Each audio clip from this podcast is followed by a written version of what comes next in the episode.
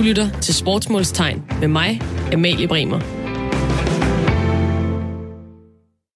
Velkommen til Sportsmålstegn her på Radio 4. Vi er klar med endnu et program, hvor vi undrer os med 400 km i timen over alt muligt underligt fra sportens verden. Og øh, i dag så kommer vi også øh, godt rundt i krogene, som vi plejer. Og så har jeg været ude og lave Sportsmålstegns allerførste reportage, hvor jeg mødtes med en mand, der havde en overarm på størrelse med mit eget hoved. Og jeg har altså ikke et lille bitte hoved. Jeg har et helt normalt, lidt rundt hoved. Hans overarm var til gengæld fuldstændig gigantisk. Så det skal du glæde dig til at høre, øh, Simon. Kivits, du er med her i aften som vores øh, faste, lidt, uh, lidt støvede, men meget kloge indslag, nemlig vores hushistoriker. Hvilke kedelige gamle bøger har du haft ud af gemmerne i forberedelsen til aftens program her? Uh, jeg siger dig, det er de helt gamle. Vi skal tilbage til renaissancen og sådan noget i dag, for ligesom wow. at kunne øh, aktualisere de her emner, vi skal forbi. Altså, hvordan kan du forklare øh, rekorder i banecykling uden at forstå renaissance, menneskesyn og sådan noget? Det kan man ikke. Det kan man ikke. Så det, og, det, og det er derfor, vi har, med, øh, har dig med, og du er ellers øh, klar til at, at undre amok. Det kan du tro. Fedt. Lad os øh, komme i gang. Radio 4 taler med Danmark. Simon, øh, jeg spiller badminton i Nørrebrohallen hver mandag, og øh, når jeg så kommer ind, lidt inden jeg skal i gang med min banetid, så er der altid en masse øh, mænd, nogle, øh, nogle øh, gutter og nogle piger, som står og ligger arm inde i Nørrebrohallen. Og ikke sådan ude i kafeteriet eller en bar eller noget. Det ligner, at de har en rigtig armlægningsklub. Øh, har, har du nogensinde lagt ægte arm mod en, der sådan er god til det? Nej, det er mere sådan dum, fuld. Nu skal vi lige være nogle bøger-agtige. Ja, ikke? Og, ja. Det, og det tror jeg, det har de fleste nok. Men jeg kan altså virkelig, øh, virkelig anbefale det her, fordi jeg kan sige, efter at jeg var ude og besøge armlægningsklubben i øh, Nørrebrohallen i går, så har jeg altså stadigvæk øh, lidt specielt i, i mine skuldre. men altså, jeg kunne selvfølgelig ikke sidde den her armlægning overhørig, så derfor så tog jeg producer Kasper under armen, og så gik vi ud og lavede vores første reportage her i Sportsmålstegn. Så lyt lige med en gang, hvordan det gik ned.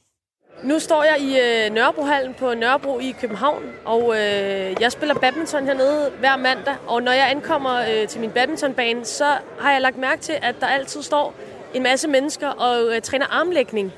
Og det har jeg selvfølgelig undret mig lidt over. Øh, armlægning, det, det er selvfølgelig, hvad det er, men, men det ser meget organiseret ud, og det virker som om, de mødes, og de træner sammen. Og det, det ser faktisk ret fantastisk ud. Så hører, de, øh, så hører de tit rockmusik, og de ser meget stærke ud alle sammen. Så i dag så er jeg øh, gået ned for at møde nogle af dem, Øh, og hej. Hej så. Og du er, øh, måske vil du, vil du virkelig præsentere dig selv, og hvad du sådan er inden for, øh, for, for armlægning? Det kan jeg sagtens. Uh, mit navn ja, det er Daniel Christensen. Jeg er ubesejret Danmarksmester i tre år, snart fire år. Uh, jeg har lige været til VM, hvor jeg tog en anden plads i venstre arm. Så, uh, og jeg er klar til at erobre den amerikanske scene.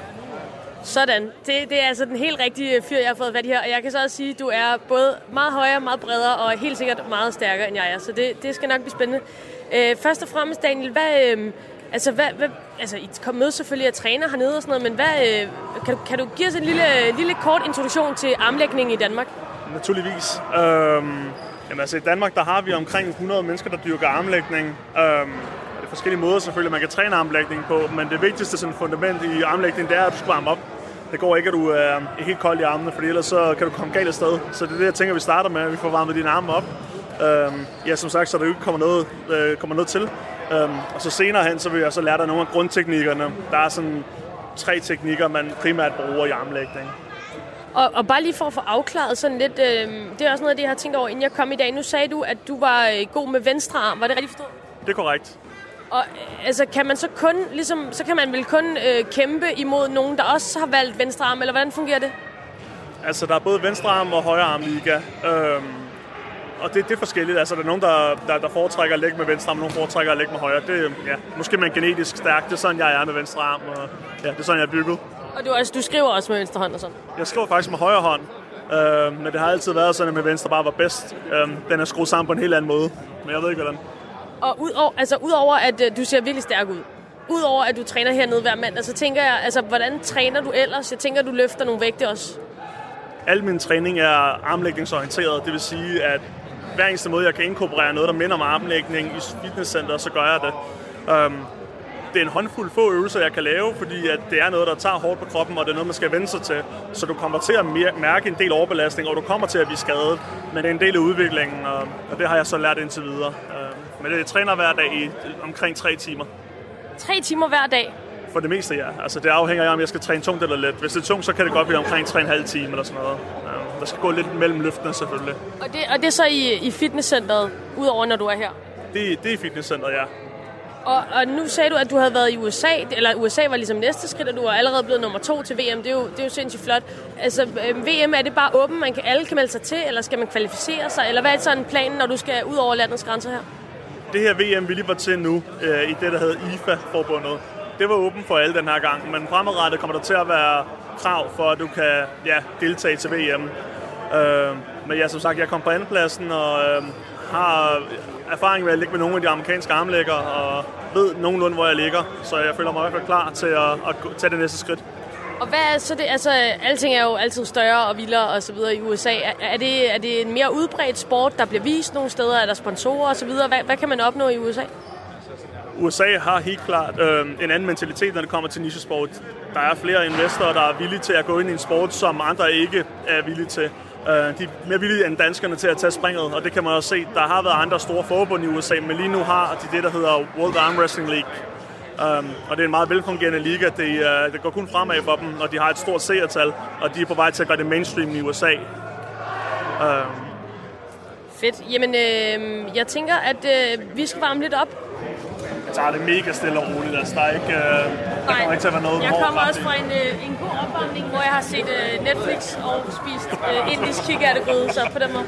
Og det er jo selvfølgelig venstre hånd, ja. Står i Nørrebrohallen, og så har I de her borer, som I ligesom øh, som I har slæbt ud af et lille rum, og de er, det er dat, der er Dannebro på. Simpelthen. H- Hvordan kan det være? Det er bare petrolisk, gå ud fra. Der er ikke så meget andet end det. Øhm, men borerne skal altid være en bestemt højde, og de skal være på en speciel måde, ellers er det ikke godkendt, når det er, at du simpelthen tager, med, tager altså, en turnering eller lignende. Så, så det er sådan, det er. Så til at starte med, så er det vigtigt, at du får din albue ned på Ja. puden her. Så skal du holde fast rundt om øh, håndtaget her. Ja. Øh, man får en fejl, hvis det er, man ikke holder fast i håndtaget. Okay, Øh, to fejl, så har man tabt kampen. okay.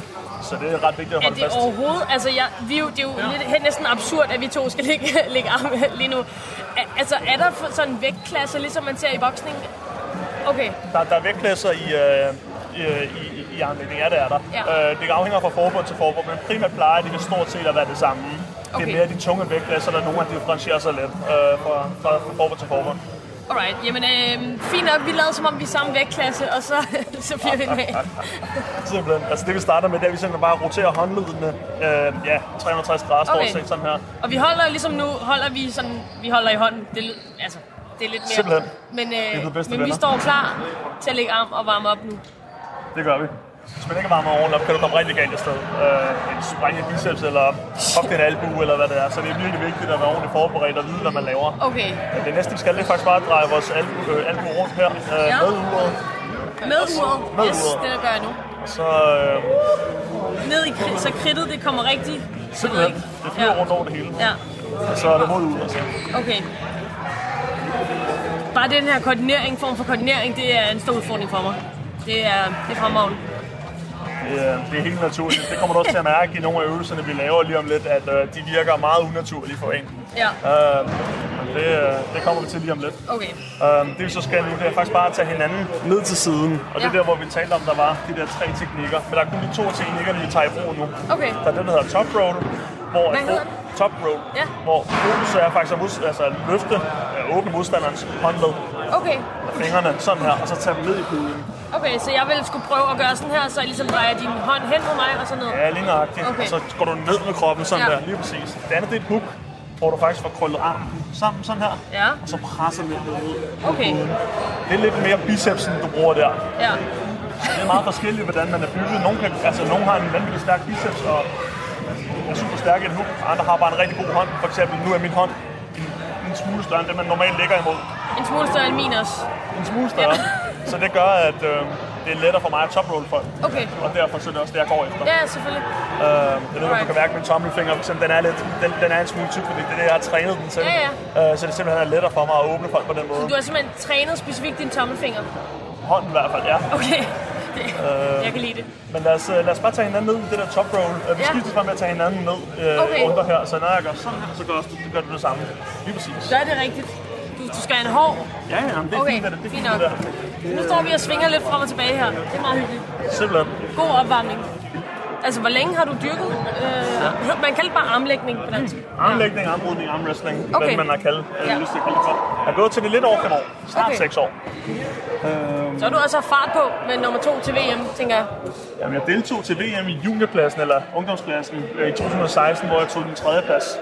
Så der, er- der er noget erfaring med VM i hvert fald. Ja. Uh, Og hvordan med, altså, i forhold til udstyr og sådan noget? Udover sin øh, gigantiske overarm, har man så øh, nogle særlige sko på, eller hvad har man? altså, jeg skal bare bruge ganske normalt træningstøj, når det er, du er til, til en armlægningsturnering. Ikke noget med at rende rundt med jeans lignende. Det, det går ikke. Mm. Øhm, men øh, altså, til en turnering er det meget simpelt. Så bruger man også det, som er sådan en underarmsvarmer. Det minder faktisk bare om en julesok på en eller anden måde. Sådan noget, eller en ordentlig omgang hjemmestrik. Øh, nogle af dem ser lidt mere fancy ud end andre. Ja. Men det handler faktisk bare om at holde din underarm varm, når du er til en turnering, så den ikke går kold. Okay. Og det kan man tydeligt mærke, når du er til en turnering. Øhm, det spiller en stor rolle. Hvor mange kampe vil du typisk være igennem på sådan en, en turneringsdag til et VM for eksempel? VM er større, så der kan godt være en del kampe der. Hvad er det? Er 5 eller 10? Eller? Måske øh, omkring en, øh, en, en, en, en 8 kampe kan du snit i hvert fald Okay. op. Sådan mellem 6 til 8 kampe. Og hvor lang tid var Jeg ved godt, det kan være alt fra sikkert et minut til en halv time, men hvad er sådan den altså, median cirka? min, min, min, min, mine øh, kampe var sådan gennemsnit omkring 1 til 2 sekunder. Okay, Der er men det er ikke- fordi, så tænker jeg også, at det er fordi, du er typen, der sådan går 300 procent fra starten. Ja, øh, mit våben det er at komme så hurtigt fra start som overhovedet muligt, Ja. og spare så meget energi som muligt, Ja. så det er, at min arm ikke begynder at blive pumpet eller lignende. Okay. Øh, du, det kan snilt gøre, øh, øh, gå ret galt, hvis det er, at du kommer ind i en lang kamp. Øh, hvis, især hvis du møder en, der er lige så stærk som dig selv. Øh, jeg er ikke en særlig stærk armlægger, så derfor så afhænger det meget af, at jeg kommer hurtigt fra start. Okay, så det, det jeg skal prøve at gøre mod dig, det er, at jeg skal ligesom gøre dig træt. Jeg skal Ja. ligesom ud i den helt lange, hvor vi, hvor vi står og kæmper i lang tid. Du skal stoppe kampen, Fedt, fedt, fedt. så har du den. Ja, jeg er med nu. Nu gør vi bare det samme igen, Yes. det der med, vi tager en anden til siden. Så får du lov til at ligge mod min venstre bagefter. Så kan du ligesom prøve at tage det lidt i praksis, det som vi har lært. Ja, ja. Altså, jeg er i tvivl om, øh, om hvor meget jeg når på de der 1-2 sekunder. Det Men øh, jeg gør mit bedste. generelt er kutume her, at når det er, man træner med nogen, der måske lige har startet, eller nogen, der er øh, markant sværere end en selv, så giver man dem en chance. Fordi der er ikke nogen grund til, at jeg for eksempel, som øh, altså, prøver at tage dig ned med det samme. Nej. Det får du ikke noget ud af, jeg får heller ikke noget ud af det. Selvfølgelig Øh, så, bedre, så kan jeg få bedre udholdenhed, og ja, du får lov til at eksperimentere, kan man sige. Jamen, jeg kan jo fortælle, der, er sådan nogle, øh, ligesom sådan nogle læderpuder på det her bord, som er Dannebro. Øh, som er, ligesom har sådan nogle puder, som er dem, hvor man, når man klakker ned i dem, så er man enten vundet eller tabt på hver sin side. Og så er der også en lille læderpude til ens albu. Lige nøjagtigt. Noget jeg også lige glemte at fortælle, det er, at man kan også få albuefejl. Det er, at din albu skal være inden for puden her. Yes. Hvis den rører ud, så får du en fejl, eller hvis du løfter den op, får du også en fejl. ja. Alright. Øhm, de er meget strikse dommerne, Ja. så det er mere opføre sig ordentligt. Yes. Jeg gør mit bedste. Men så starter vi jo med fast i håndtaget her. Ja. Så øhm, er det vigtigt altid at have din arm så tæt på din krop. Okay, så jeg skal ligesom have maven så langt ind mod? Ja, lige nøjagtigt. Står man lidt med siden til, eller er det bare navlen ind? Og så? Det, det, det er, hvad du bedst kan lide. Altså, Okay. jeg kan godt lide at have hoften lidt ind. Øhm, Okay. Ja, med navlen ind, ja, det er rigtigt. Er der nogen sådan regler for det? Tænk, jeg tænker, man, mange, lige pludselig står man med sit ene ben og gør et eller andet. Skal man ligesom... Nej, altså, så længe dine, dine skuldre er parallelle, så er det fint nok. Du må Okay. bare ikke begynde at presse ind sådan her, fordi så, Så man jeg bruger hele... Ja. Lige præcis. Okay. Øhm, så en ting, der er vigtig, for eksempel, når du lægger arm, det er, at du rigtig gerne have overtaget på min hånd. Ja. Det afhænger selvfølgelig af, hvilken, altså, hvilken teknik du gerne vil bruge. Men generelt er det altid en fordel, hvis du tager din hånd helt op her Okay. og være sådan her. Så min hånd skal så langt op som muligt. Ja, lige præcis. Men det er jo så også svært, når jeg er sådan en halv meter lavere end dig, tænker jeg. Det er svært, Ja. men vi kæmper begge to for det, kan man sige. Yes, okay. Faktisk, når det er, desto lavere og kortere arme den anden person har, Ja. øhm, desto sværere er det faktisk for mig at få ordentligt fat, fordi jeg bliver nødt til at, at strække min arm længere ud. Øhm, ja, og så siger vi bare, når jeg så siger ready go, så giver vi den gas, okay? Okay, ja. Og jeg giver ikke nogen hårde slag, jeg holder kun, så du skal ikke være bange. Hårdt slag, hvad? Altså... Jeg kommer ikke med en kæmpe stød. Nå, er du bare... Okay, okay, okay, Så ja. kan du godt komme ja. Så ligger jeg over i øh, klatrebanen lige pludselig. Jeg flyver 10 meter. Fedt nok. Okay, jamen Bare- altså, jeg, jeg er klar. Ready go! Sådan der, der er god styrke på der. Så prøv at komme mere ind med kroppen, mere ind med kroppen. Prøv at tage kroppen længere øh, nedad. Altså ligesom ned under bordet. Ja. ja, lige præcis, lige præcis. Meget stærkere det der, meget stærkere. Meget stærkere. Men det var... Åh, oh, gud, fri mig vel.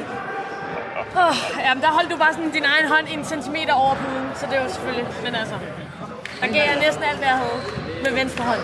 Men det gør størstedelen af Ja. også her til arming. De får den samme tur som dig, så du er Okay, ikke, du er ikke helt alene. sikkert. Nej. hvad, altså, hvad gør du? Nu, nu må du gerne være lidt... Øh, altså, nu skal du bare være ærlig. Er det lidt kedeligt for dig at træne nogle gange? Altså, man skal vel også matches mod nogen, som er lige så gode eller bedre end en selv? Generelt er det et problem for mange armlæggere at få en, der er lige så stærk som en selv, eller ja. er samme bygning som en selv. Det der er ved det, er, at vi har en for holdet her, som er verdens bedste, eller en af verdens bedste i sin vægtklasse, altså i alle forbund og lignende. Ja.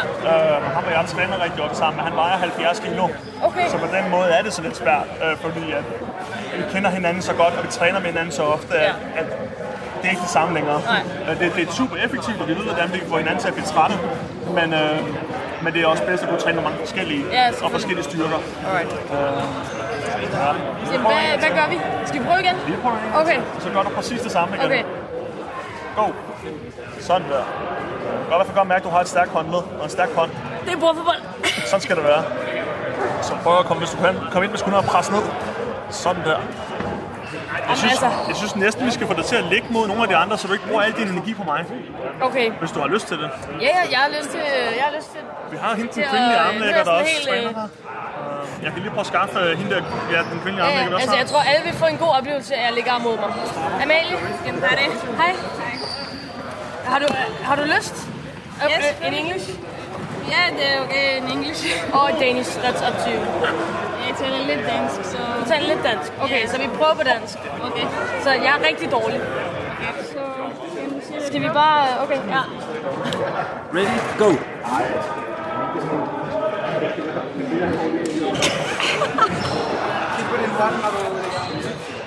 Are you you're not doing your best right now?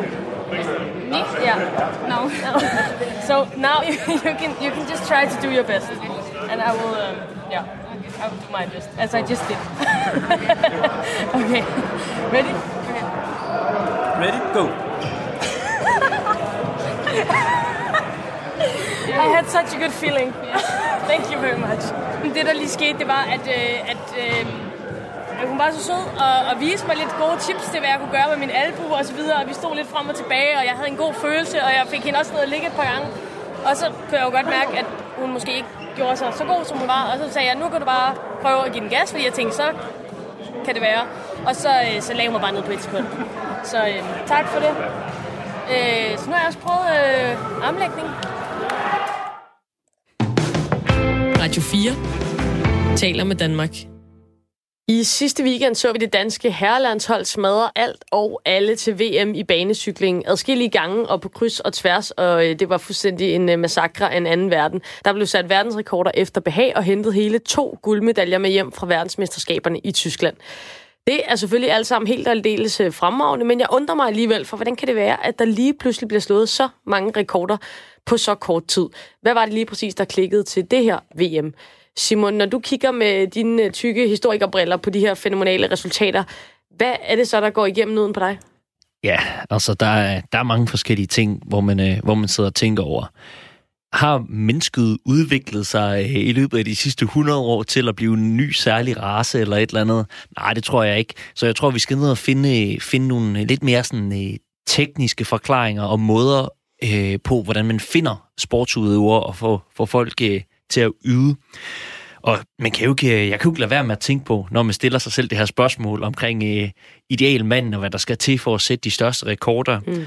Sådan det helt klassiske ideal menneskesyn er jo, stammer jo her fra renaissancen, ikke? Vi kender alle sammen Leonardo da Vinci's uh, Vitruvian Man, altså den her mand, der har et lige så bredt vingefang, som han er høj og... Det er ham der, man ser ind i cirklen. Ja, ind i cirklen det, ja. og en firkant, ikke? Øh, hvor alt er proportioneret og ordentligt. Det har faktisk været nogenlunde den type, man har tænkt er idealatleten helt frem til omkring efter 2. verdenskrig. Så hvis man sidder og kigger på for eksempel øh, i 20'erne, så sidder man og tænker, at en kuglestøder skal have samme øh, kropsbygning som en højdespringer, og så videre. Så, en absurd tanke den dag i dag jo. Ja, præcis. Men det er faktisk, faktisk sådan, det har været i sport, at man har haft sådan en, en, en fuldstændig øh, almen forståelse af, hvad idealmanden er. Det er først senere hen, at vi har ligesom specialiseret kropstyper ud i de forskellige sportsgrene. Faktisk så taler man om det her, det er faktisk det, man kalder the big bang of body types, der kommer her i forbindelse med efter 2. verdenskrig op igennem 50'erne og frem, hvor man finder ud af, hvad det er for nogle former for meget, meget specialiserede kroppe, der skal lave de forskellige øh, forskellige typer sportsgrene. Jeg tror også, det er deri, at man finder meget af forklaringen på, hvorfor der er nogle af de her, hvad skal man sige, ja, øh, eksplosive udviklinger i, i rekorder, det kombineret med øh, præstationsfremmende midler, der bliver bedre. Vi går væk fra, at man vinder OL i 1904 øh, i maraton ved øh, kombinere rottegift og brandy, og finder nogle... Øh, lækker cocktail. Lækker cocktail, eller finder nogle lidt andre måder at gøre det på. Og så er der selvfølgelig, øh, så kan man jo se på de her rekordstatistikker og gennemsnitshastigheder på højeste niveau i alle mulige sportsgrene, at der sker nogle øh, teknologiske fremskridt, nogle måder at gøre ting anderledes på. Og en af dem, som er med til at øh, finde frem og grave i de her bitte, bitte små parametre, som man kan øh, skrue på for at blive bedre og bedre hele tiden, det er Andreas Top Adler, som er performance-ingeniør hos Team Danmark. Og øh, Andreas, du er med os på en telefon, og du må, du må for det første lige undskylde mig. Altså, det kommer til at lyde helt forkert, når man tænker på øh, cykelsportens mildt sagt brogede historie, men det er selvfølgelig ikke den slags, øh, jeg tænker på. Men jeg vil helt vildt gerne vide, hvad er det, I har rodet med inde i øh, jeres laboratorier, når jeres rytter lige pludselig er så vanvittigt gode? Ja, men altså, øh, der er, der er nogle elementer øh, i spil her, specielt når vi snakker 4, øh, 4 km holdet. Øh, det er jo et meget sådan, man kan sige, kontrolleret miljø, øh, hvor der er i mange andre cykeldiscipliner, der er der, sådan, der er der rigtig mange, altså der er der modstandere sammen inde på banen, øh, som sådan øh, kan svinge ind og ud mellem hinanden, hvor her der er vi sådan meget kontrolleret. Så det vi prøver på, det er, at alle de ting, vi kan kontrollere øh, og, og måle på, det prøver vi at, og, øh, at vende til vores fordel. Så, øh, så det er sådan alt lige fra, øh, hvordan kæden bliver smurt til øh, hvilke typer hjul, hvordan rytteren, hvilken position øh, han ligger i, øh, hjelmens øh, det vindflow, der er hen over hjelmen, ned over dragten, og hvordan det så slipper rytteren igen. Så øh, der er sådan mange, ja, stort set alle de steder, hvor man kan gå ind og kigge på øh, øh, elementer, der prøver vi ligesom at, at, at skabe den, det bedste scenarie øh, for, og bedste udgangspunkt for rytterne, når de skal i konkurrencen. Og jeg, jeg ved selvfølgelig godt, at der er, en, øh, der, er, der er nogle øh, industrihemmeligheder øh, sikkert, som, som du ikke kan komme ind på, men alle lande, de, eller alle dem, der går, der går, i hvert fald går, går top professionelt til opgaven, som vi gør her i Danmark, de kigger på de samme ting. De kigger på hjelmen, de kigger på dragten, de kigger på cyklen. Hvad er det, I har fundet ud af, som der gør, at de her gutter, de lige pludselig øh, er så meget bedre end alle de andre? Jeg, jeg tror egentlig, at Øhm, vi, vi har tænkt, altså det er noget tid, vi godt har kunne tænke os at lave øh, nogle, nogle meget specifikke ændringer. Så for det første så øh, tror jeg, det er sådan vigtigt at huske på, at, at det vi har med at gøre her, det er nogle af verdens, hvis ikke aller, verdens absolut bedste atlet øh, mm. til det, de skal udføre. Og, og ovenpå det, når man så har nogle af verdens absolut bedste cykelrytter, så ovenpå det kan man så lave de her bitte små fintuninger, som gør, at, øh, at, at de står, hvor de skal. Men, øh, men noget af det, som har ændret sig siden, øh, man sige, ind over de sidste, specielt her det sidste års tid, øh, det er, at vi nu har nogle ryttere, der gør det muligt, øh, at vi kan øh, simpelthen angribe løbet på en lidt anden måde, end vi tidligere har gjort. Øh, så ikke sådan rent udstyrsmæssigt, men sådan helt øh, taktisk, øh, teknisk på banen. Så sådan en 4 km løb, det, det bliver, der kan rytterne, øh, der er ikke nogen regler for, hvor lang tid man skal tage en føring, altså hvor lang tid man skal ligge ude i fronten, inden man slår om bagved. Det, det kan man, altså, det er der ikke sådan nogen, øh, man sige, noget, man skal gøre. Så, så der, der ligger jo en taktik i det, og der har vi i lang tid godt kunne tænke os at, at køre nogle, nogle længere føringer. Det vil sige, at den enkelte rytter ligger øh, længere fremme øh, og tager sin føring. Øh, men for at kunne det, øh, så vil vi gerne kunne geare op. Og hvis man skal geare op, så kræver det, at man rent faktisk kan køre en højere gearing, og at man rent faktisk kan restituere, øh, hvis man kan kalde det det. De ligger og, og kører alt, hvad de kan, men man kan restituere på hjul. Øh, og der tror jeg, at det vi har nu, det er, at vi har et ryttermateriale, der er på et niveau, der gør, at vi har kunne køre længere føringer og gear op. Og når man kører et gear op eller to op og stadigvæk holder samme kadence, så, øh, så betyder det også, at man, man får lidt mere fart i, i maskineriet. Så det du også siger, øh, som jo kan virke indlysende, men, men også lidt sjovt, når, når der bliver skruet på så mange knapper i laboratorierne hele tiden og kigget på udstyr osv., så, videre, så øh, at the end of the day, så handler det måske også i virkeligheden om, at lige nu så har vi øh, altså fire gutter her, som bare er ekstremt dygtige til at køre på cykel. Ja, altså der er ingen tvivl om, at øh, der er også forskellige, øh, der er forskellige roller på sådan et hold. Øh, der er meget forskel på, om man er den første mand, der, der starter i fronten, eller om man er, egentlig starter med at ligge bag os i toget. Så det, det er kombinationen af, at vi har ryttertyperne.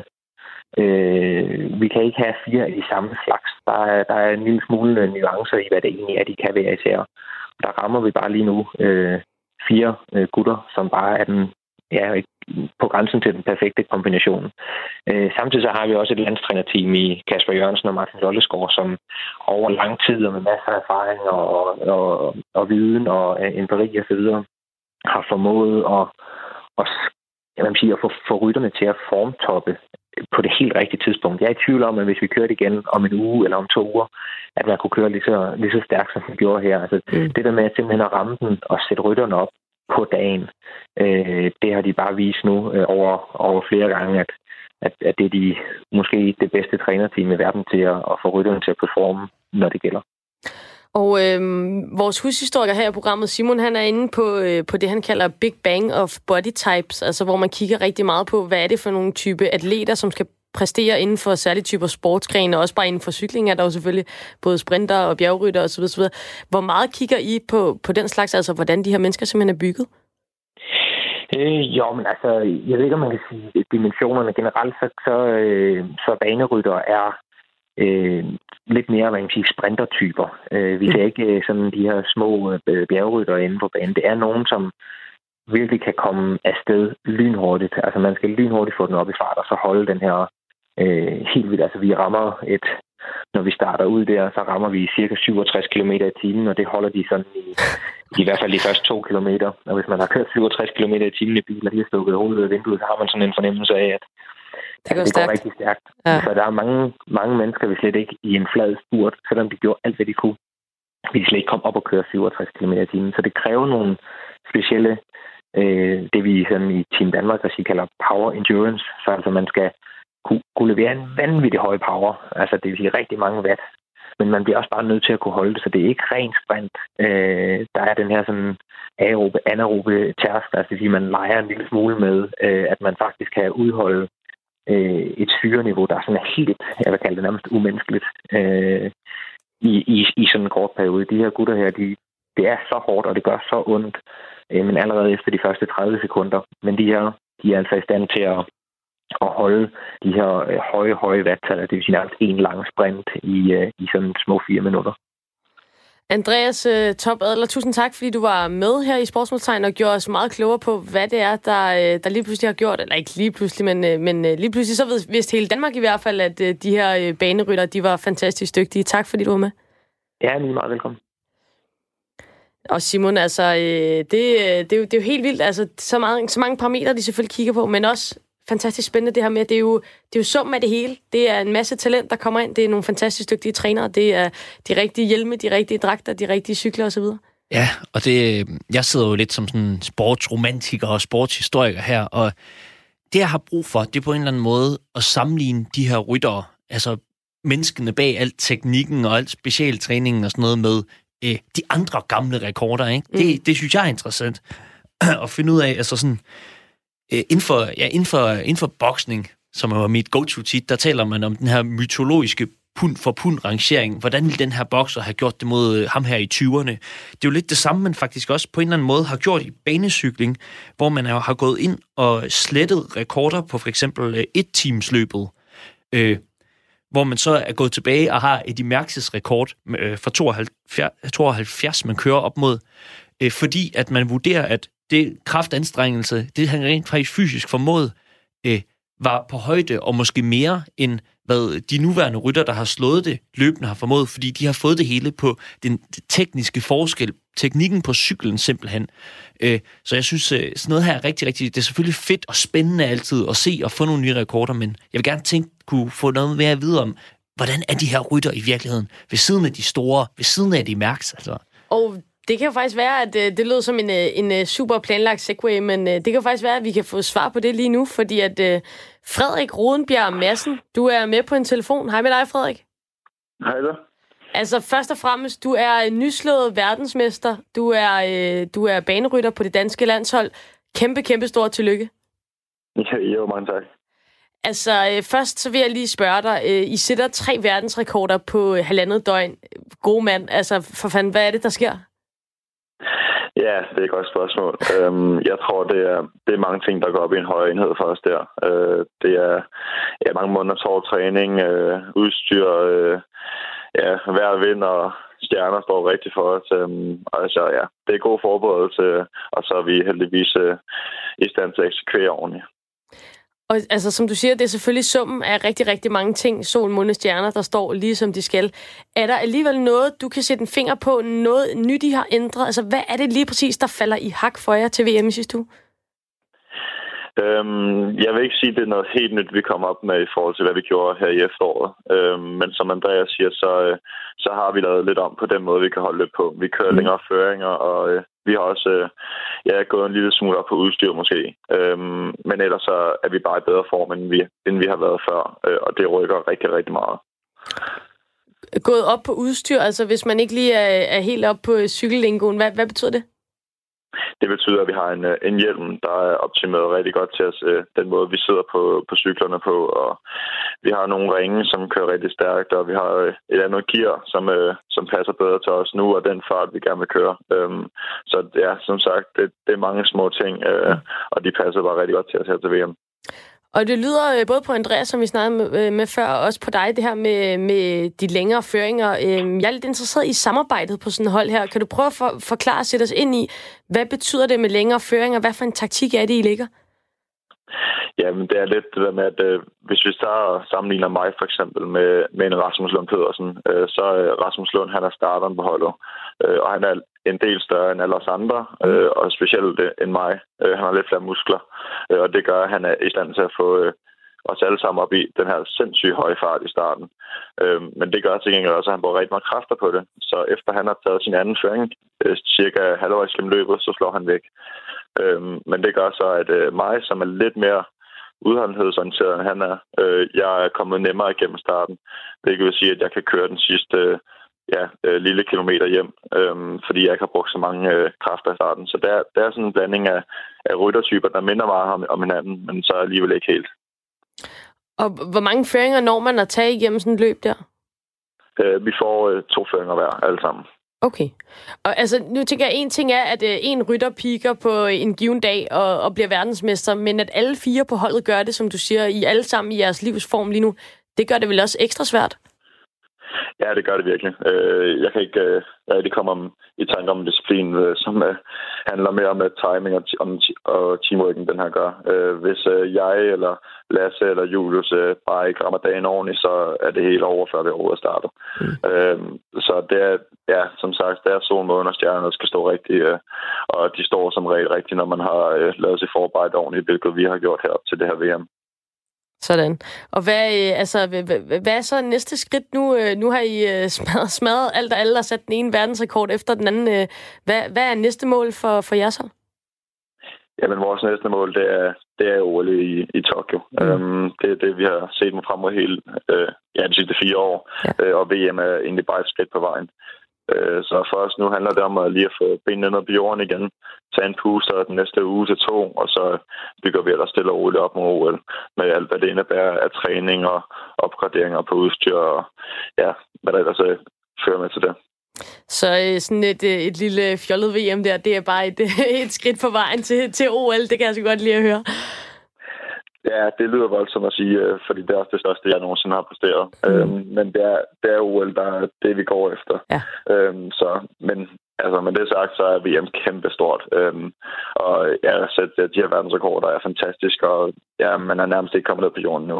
Så vi skal ikke prøve at, at gøre VM til noget småt overhovedet, øh, men det viser bare, hvor stort OL er for os. Og Frederik, tusind, tusind gange tillykke øh, fra os her på Sportsmålstegn. Jeg håber, at du får lov til at svæve lidt endnu deroppe og være glad for dit øh, VM, inden at øh, du øh, fokuserer på OL. Tak, fordi du var med. Jo, mange tak. Det var så lidt. Radio 4 taler med Danmark. Hvis du er fodboldfan ligesom mig, så har du sikkert set ret irriterende fodboldspillere, der holder sig for munden, når de taler sammen på banen, som om det er kuren til coronavirus, eller øh, koden til deres bankboks, de går og taler om. Det ser super åndssvagt ud, og øh, i en tid, hvor jeg i hvert fald som fan kan føle mig mere og mere afkoblet for de her supermilliardærer, der trisser rundt nede på grøntsværen, så er det ikke ligefrem med til at åbne sporten op for masserne. Tværtimod så signalerer det direkte, at vi ikke bliver inviteret indenfor. Vi bliver bogstaveligt talt holdt ude med den her hånd op foran munden. Øh, Simon, hvor, hvorfor er det, de gør det her? Altså, de er direkte med til at distancere øh, de mennesker, som de i bund og grund lever af, nemlig også fodboldfans. Ja, øhm, der, er, der er flere årsager. Der er i hvert fald flere øh, dilemmaer i det her. Først og fremmest så udviklingen i, hvad skal man sige, fankultur er jo hen mod, at, øh, at det er den enkelte fodboldspiller og øh, den stjerne, man ligesom dyrker og følger mere end det er klubben og så videre. Men i den anden ende, der er det, der tror jeg, der er afgørende for det her mundaflæsning, det er, at de her stjerner jo stadigvæk spiller for øh, virksomheder, som er kæmpe virksomheder med kæmpe brands. Og her er de altså bare en brik i et puslespil, der handler om at få den her virksomhed til at give det rigtige overskud og føre det rigtige brand med sig. Og derfor så sidder der nogle alt for polerede kommunikationsafdelinger, der har lavet de her regler og sagt, nej, nej, nej, nej, nej, der skal ikke kunne mundaflæses, I skal ikke kunne sige et eller andet, vi skal kontrollere vores egen kommunikation og vores eget brand.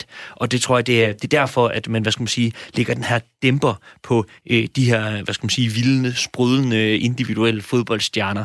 Så det er, at det er klub hjemmesiden, der siger, hvad der skal meldes ud. Og øh, hvordan det er kommet dertil, det øh, kan vi få hjælp til at finde ud af af dig, Kasper Klok. Du er dansk journalist, der er bosat i Spanien. Hej med dig. Ja, hej. Kasper, først og fremmest, øh, hvorfor er det, fodboldspillerne gør det her med at holde sig for munden, når de går og taler sammen? Ja, altså, jeg kan i hvert fald fortælle, hvordan, øh, hvordan det ligesom øh, bliver et stort fænomen. Øh, mm. det, altså, det, det tager fart hernede i øh, Spanien i 90'erne. Og der er det her meget, meget berømte øh, ugenlige fodboldmagasin hver mandag, der hedder El Dia Después, dagen efter, hvor den spanske liga, øh, weekendens kampe, bliver endevendt i alle detaljer. Og der er sådan en særlig sektion i det her program, som hedder Det, som øjet ikke ser, øh, som bliver enormt populært. Øh, og det er sådan en sektion, hvor de netop altså, har flere og flere kameraer og flere og flere mikrofoner og holder øje med flere og flere detaljer, og så finder de så en særlig detalje eller en særlig øh, skandaløs historie hver gang, og de begynder simpelthen også at ansætte mundaflæsere øh, for netop at fange alle de her ting, som, øh, som sker der mellem spillerne, eller på øh, trænerbænken, eller på tribunen. Og det gør simpelthen, at, at spillerne de, de også begynder at tænke, altså hvis vi ikke skal hænges til tørre i hele Spanien, så er vi simpelthen nødt til at, at, at begynde at gøre noget. Altså, og der, der opstår det her med, at de begynder at holde sig når de taler. Og hvad, altså, hvad, hvad bringer det med sig, det her program, som du taler om? Er der nogle øh, vilde eksempler på ting, der er blevet overhørt, og, og, og det kan være noget af det, der er med til, at, at det har bredt sig så meget, som det har gjort? Ja, der er sådan nogle legendariske episoder, som altså de fleste spanier, som, øh, som øh, har set fodbold i den periode, altså kan huske. Altså, der er blandt andet en episode med den argentinske træner øh, Carlos Bilardo, som var træner for Sevilla på det tidspunkt, og og der er en, en modstander, som bliver skadet, og så løber Sevillas træner hen for at prøve at hjælpe ham, og så råber øh, Bilardo efter ham. Træd på ham, han er en modstander. Og det bliver så fanget op af, af, at, at det her, hvad hedder det, øh, dagen der på program, og, og det, det er jo en kæmpe, kæmpe skandale, og han, han er jo udsat for massiv kritik, og mm. man kan sige, det er jo sådan nogle ting, som det er svært at forestille sig i dag, men altså det får vi dengang i 90'erne, og det, det er selvfølgelig noget, der så blev mindre og mindre af med tiden efter, som, eller efter de her altså, klubber bliver mere og mere professionelle i deres kommunikation også. Og findes de her mundaflæsningsprogrammer på spansk tv og radio i dag, eller er det ligesom noget, der er forsvundet efter, at de begyndte at holde sig for mund? Nej, jamen det, altså, det var stort dengang, og der var det jo nyt, og der var det, så man var ikke forberedt på det. Altså. Men altså, det er jo stadig i fuld gang, at man har set så sent som i Classico i søndag, altså, der brugte man jo masser af kræfter på at, at analysere, hvad øh, Barcelonas øh, assistenttræner, han sad og råbte ud på bænken. Altså, han har glemt at holde sig på munden, og han smidte jo løs på spillerne ind på banen. Så nej, det er da, det er da stadig en, en kæmpe ting. Altså lige så snart man kan få fat i den detalje, så, så, så, så forstørrer man den, og så fylder den i medierne. Og, altså, det er selvfølgelig irriterende for Barcelonas assistenttræner, at, øh, at, øh, at, vi andre kan høre, hvis han, øh, hvis han siger nogle grimme ting. Men det, det er vel samtidig det, som, som fansene også gerne vil have, og nu bliver vi så lukket ude. Øhm, hvad, hvad, hvad tænker du som, som en, der dækker spansk fodbold, at, at de ligesom har det her armslængde til, til fansene?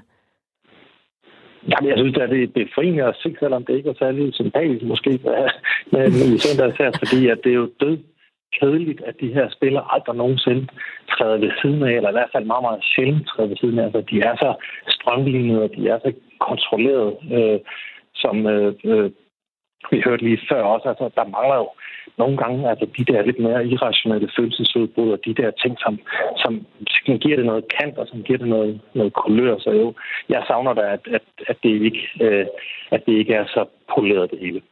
Og så øh, lige her til sidst, inden øh, vi bliver nødt til at slippe dig, Kasper, så ved jeg, at du har en sjov historie om, hvordan det her det også har spredt sig til andre dele af samfundet i Spanien. Kan du lige prøve at fortælle os om det?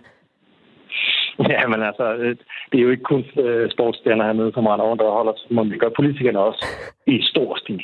Så de, de gider heller ikke blive munderne. De gider ikke blive altså, øh, kigget efter i kortene, når de har haft en, en privat samtale, eller i virkeligheden bare en, en offentlig samtale. Og der var det her episode for øh, et par år siden, hvor den spanske premierminister var på besøg i det hvide hus og sidder sammen med Donald Trump og skal sige noget til ham og tage hånden op på munden, og man kan simpelthen se, hvordan Donald Trump kigger på mig og siger, hvad har du i, hvorfor sidder du og holder dig på munden? og det er simpelthen bare en helt, helt anden øh, kultur, kan man sige, som er fuldstændig normal her. Altså, der er jo ikke nogen, der synes over, at en spansk politiker holder sig på munden, men det er man trods alt ikke vant til på samme måde i resten af verden. Ved du hvad, Kasper? Fremragende historie at lukke af med. Så fik vi også Donald Trump med i vores uh, lille sportsprogram her for første gang. Tusind tak, fordi du var med. Ja, velkommen. Okay, Simon, så altså øh, spanske politikere, der ikke kan stå ved, hvad de siger, og lige øh, køre en hånd over munden, det, det kan jeg sgu meget godt lide. Ja, det, jamen, det er, ikke, det er ikke kun fodbold, vi skal holdes uden for, at øh, folk ikke må være individer. Det skal politikere helst heller ikke være. Ikke? Det er jo det samme, de skal Ingen være. kan stå ved, hvad de siger længere. Nej, nej. Men igen, vi kender jo alle sammen historien fra altså Materazzi, Zidane-episoden, hvor Zidane i sin sidste kamp får rødt kort for at nikke ham en skalle i, mm. i, i brystkassen, ikke? hvor alle prøver at finde ud af, hvad fanden er det, Materazzi har sagt til Zidane. Der, der tror jeg, at hele verden øh, sad og lyttede til mundaflæsning i fodbold. Så øh, der er jo også, øh, det er jo så også den anden side af sagen, ikke? Vi siger, at vi vil gerne have individualiteten, men altså, spørgsmålet er, om vi også gider at høre på Materazzi, der taler om øh, Zidanes søster, eller hvad det var, og om vi gider at høre Lazio-spillere komme med forskellige kommentarer, eller Moscon ind i cyklingen, svine øh, en øh, sort rytter til, mm. så videre. Øh, ja, der, der er i hvert fald nogle, øh, nogle gråzoner i, i det her. Det er selvfølgelig spændende, at der bliver mere plads til, det bliver mere, øh, hvad skal man sige, ikke våde, men mere mangfoldigt det udtryk, folk kan have. Men ja, spørgsmålet er, om det så ikke bare er vores ansvar så at sige fra, når det er, at de også går for langt med deres øh, ytringsfrihed. Det kan vi i hvert fald godt blive enige om. Radio 4 taler med Danmark. Så, Simon, så skal vi videre til aftens sidste emne her i Sportsmålstegn på Radio 4, og det er et af dem, jeg rigtig godt kan lide. Jeg er nemlig vild med, hvordan øh, moderne sportsfolk de er fuldstændig besatte af at optimere deres præstation. Det kan, det, vi, vi, vi har jo lige snakket om hypnose. Det er en af de, de sådan nye værktøjer, man kan begynde at, at tage... Øh, at tage, altså benytte sig af, hvis, øh, hvis man føler, at man lige har nogle små knapper, der skal, skal drejes lidt på. Og nogle gange så er de her øh, sportsfolk så besatte, at man tænker sådan lidt, rolig nu. Øh, altså, det, det, det, du, du er dygtig, og, og det, det kører, og det, det, altså, det kan blive... Altså, det kan ligesom blive, blive for vildt på en eller anden måde. Altså, det, her, det, det er en besættelse af, at, at vende hver en lille sten for at vinde den her tusindedel mere end, end sin konkurrent. Altså, hvordan er det blevet sådan, og hvornår er det blevet sådan? Øh, ja, jeg tror, det er en løbende ting. Ikke? Altså, nu har vi lige haft hypnosesnakken. Øh, jeg ved allerede, en af de sådan, største, mest legendariske boksetrænere nogensinde, Costemado i 92, øh, da en, der hedder Sonny Liston, skulle bokse mod hans bokser Patterson, der ville han have, at øh, dem, der stod for kampen, skulle gribe ind, og at øh, Sonny Liston ikke blev udsat for hypnose som et af de midler til, at øh, han skulle kunne være bedre til at modtage et slag, fordi han blev hypnotiseret til ikke at kunne føle smerte, påstod han. Så hvad skal man sige, sådan nogle ting her har altid været i spil. Inden for cykling, øh, som vi jo måske skal tale om senere, eller om nu her, så, øh, så er der altså sådan nogle ting som, igen, det teknologiske fremskridt, når Greg LeMond sætter et nyt styr på i Tour de France, og står, slår Fignon. Øh, de her ting er særligt fra, øh, fra tror jeg, 80'erne af og op igennem 90'erne er blevet mere og mere øh, udtalte, og nu er vi jo nået et sted, hvor det er alt, absolut alt, der skal måles og vejes ned i mindste detalje, og jeg er enig med dig. Man skal i hvert fald passe på, men som fan og som kommentator, at man ikke kommer til at fortabe sig i det her element, der handler om de sidste 0,2 procent i stedet for 90 procent af, hvad det her er, ikke? Eller så synes jeg også, fascinationen rører. Ja, det, det, det er jo det, der er faren ved det, tænker jeg i hvert fald. Og på den ene side, så kan jeg faktisk godt lide, at man er ekstremt kompromilløs øh, og, og ligesom bare går efter alt, hvad der er og støvsuge af fordel. Samtidig, så, så, som du er inde på, det afromantiserer jo sporten på en eller anden måde. Altså hvis det bliver alt for mekanisk, jamen, så drejer det sig ikke længere om det rå talent, man er blevet givet, men det drejer sig om, hvem der har råd og tid til at træne mest i vindtunneller og ansætte de rigtige specialister i sit team osv. Det er vel et, et skred. Jeg ved ikke engang, man kan sige, det er et skred. Altså, det er en, en skræn, som vi er råd langt ud over allerede. Ja, vores fascination plejer jo at stamme fra, at vi vil se det unikke og det, altså, det der det overmenneskelige, det der træder ud over, hvad du og jeg ville kunne præstere. Det er der fascinationen plejer at ligge. Og der bliver det altså svært at tale om, når det er det laboratoriefremstillet. Ikke? Det bliver falskt, hvis man får fornemmelsen af, at uh, du og jeg, hvis vi får øh, målt vat på samme måde som Froome og kommer i de samme vindtunneller som ham, at vi så kan gøre det øh, uh, samme, så hvad skal man sige, det magiske ryger væk, men bliver måske lidt mere ærligt. Det er selvfølgelig rigtigt, øh, og, og et af de øh, remedier, som vi er faldet over som sportsfolk, de bruger til at optimere ud i det ekstreme, det er såkaldte ilttelte. Og helt konkret så øh, faldt redaktionen på Sportsmålstegn i, i den her uge over et salgsopslag fra den danske cykelrytter Michael Valgren, som øh, forsøgte at sælge sit ildtelt. Og det kostede altså 12.000 kroner, hvis man skulle have Michael Valgrens meget let brugte ildtelt øh, som han kun havde brugt. Ja, han har, han har brugt det en gang. Og i samme ombæring, så kunne man se på Instagram, at en anden dansk cykelrytter, øh, det var Mads Pedersen, han øh, trænede med sit ildtelt inde i øh, sit soveværelse. Og det, der var ekstra skønt ved det her Instagram-opslag, det var, at øh, Vincenzo Nibali, Nibali, som er en, øh, en fantastisk cykelrytter, en, øh, en øh, levende legende, som i den grad er god til at køre i bjerge, som er det, man træner også med ildtelte, han havde kommenteret på Mads Pedersens opslag ved øh, den her fremragende sådan facepalm-emoji, som bare sådan tager sig til hovedet, ryster på hovedet. Altså han gav, for at sige det på godt dansk, ikke en fuck for det der ildtelt, som øh, Mads Pedersen han skulle, øh, skulle træne med. Så øh, hvad i alverden er op og ned her, virker de der øh, ildtelte? Det er det, vi skal finde ud af nu. Og derfor så har jeg ringet til øh, dig, Peter Møller Christensen. Du er sportsfysiolog hos Team Danmark. Ja, hej, og god aften. God aften. Øh, vil du ikke lige starte med at bryde den ned for os her? Øh, hvad i alverden er et ildtelt? Jamen, øh, det er en øh, måde, hvor man prøver at øh, simulere rigtig højde. Øh, og øh, hvad hedder det, så får man mange af de samme effekter, hvis man var i 2 eller 3 eller 4.000 øh, meter. De fleste telte går ikke meget højere op end det. Man kan, på nogle af dem kan man godt trække det måske op til, til 5.000 meter, men det er en, øh, en måde at, at, at ja, simulere det på. Jeg plejer altid at sige, at man skal huske på uh, simuleringer om det er klima, varme, som vi selv arbejder meget med for tiden i forhold til Tokyo OL. Ja. At uh, det, den, den rigtige verden den, uh, og den helt rigtige tynde luft, den får man altså kun på et bjerg. Men, uh, men fysiologisk kan man måle, at man får uh, mange af de samme, kan man sige, stress... Uh, øh, det samme stressrespons, øh, og, og det er samme årsag, at man jo så også har spekuleret i, jamen øh, kan man så få noget ud af at bruge det, og det skal jeg jo så prøve at svare på. Jeg tænker jeg sikkert er det næste spørgsmål. ja, vi har lige lidt, lidt et lille opfølgende spørgsmål øh, til, til bare sådan, hvad det er, det gør sådan ildtelt, fordi det giver mening, at man skal øve sig i, og, og hvis nu det er cykling, vi snakker om, at, at blive god til at cykle i, i de her højder. Men det, man ser her, det er jo sådan et, altså, det er sådan et ildtelt, som de ligger og sover inde i. Eller ja. ligger... Altså, så det, det... Kan du prøve at forklare, hvad... En, en ting er at træne sig i ja, at cykle ja, ja. ind i det telt. Hvorfor ligger man så over ind i det? Øh, der hvis man skulle... Øh, en måde at forklare det på, øh, som måske sætter tingene lidt i relief, vel vidne, jeg gerne lige vil disclaimer, det er jo fuldt lovligt, det her. Men øh, jeg plejer at sige, at der er en grund til, at øh, dem, der øh, snyder med EPO og bloddoping, øh, det gør de jo, fordi at det øh, i, i vid udfang virker. Det kan man se ud af videnskabelige artikler. Det kan man mm. også, øh, kan man sige, nogle gange se på, at nogen bliver rigtig stærkt ud af det blå, så også bliver taget. Og det var sådan en lille, øh, øh, lidt øh, søgt appetizer i forhold til, at det, man ønsker med øh, enten at tage i højde i lang tid eller sove i ildtelte osv., det er jo egentlig, fordi man ved, øh, at øh, tynd øh, luft det ender med i sidste ende at blive registreret, sådan så ens nyre begynder at udskille EPO, og når de udskiller EPO øh, som resultat på luften er tynd, så begynder man at producere flere røde blodlegemer. Og flere røde blodlegemer, det vil man gerne have som øh, udholdenhedsatlet.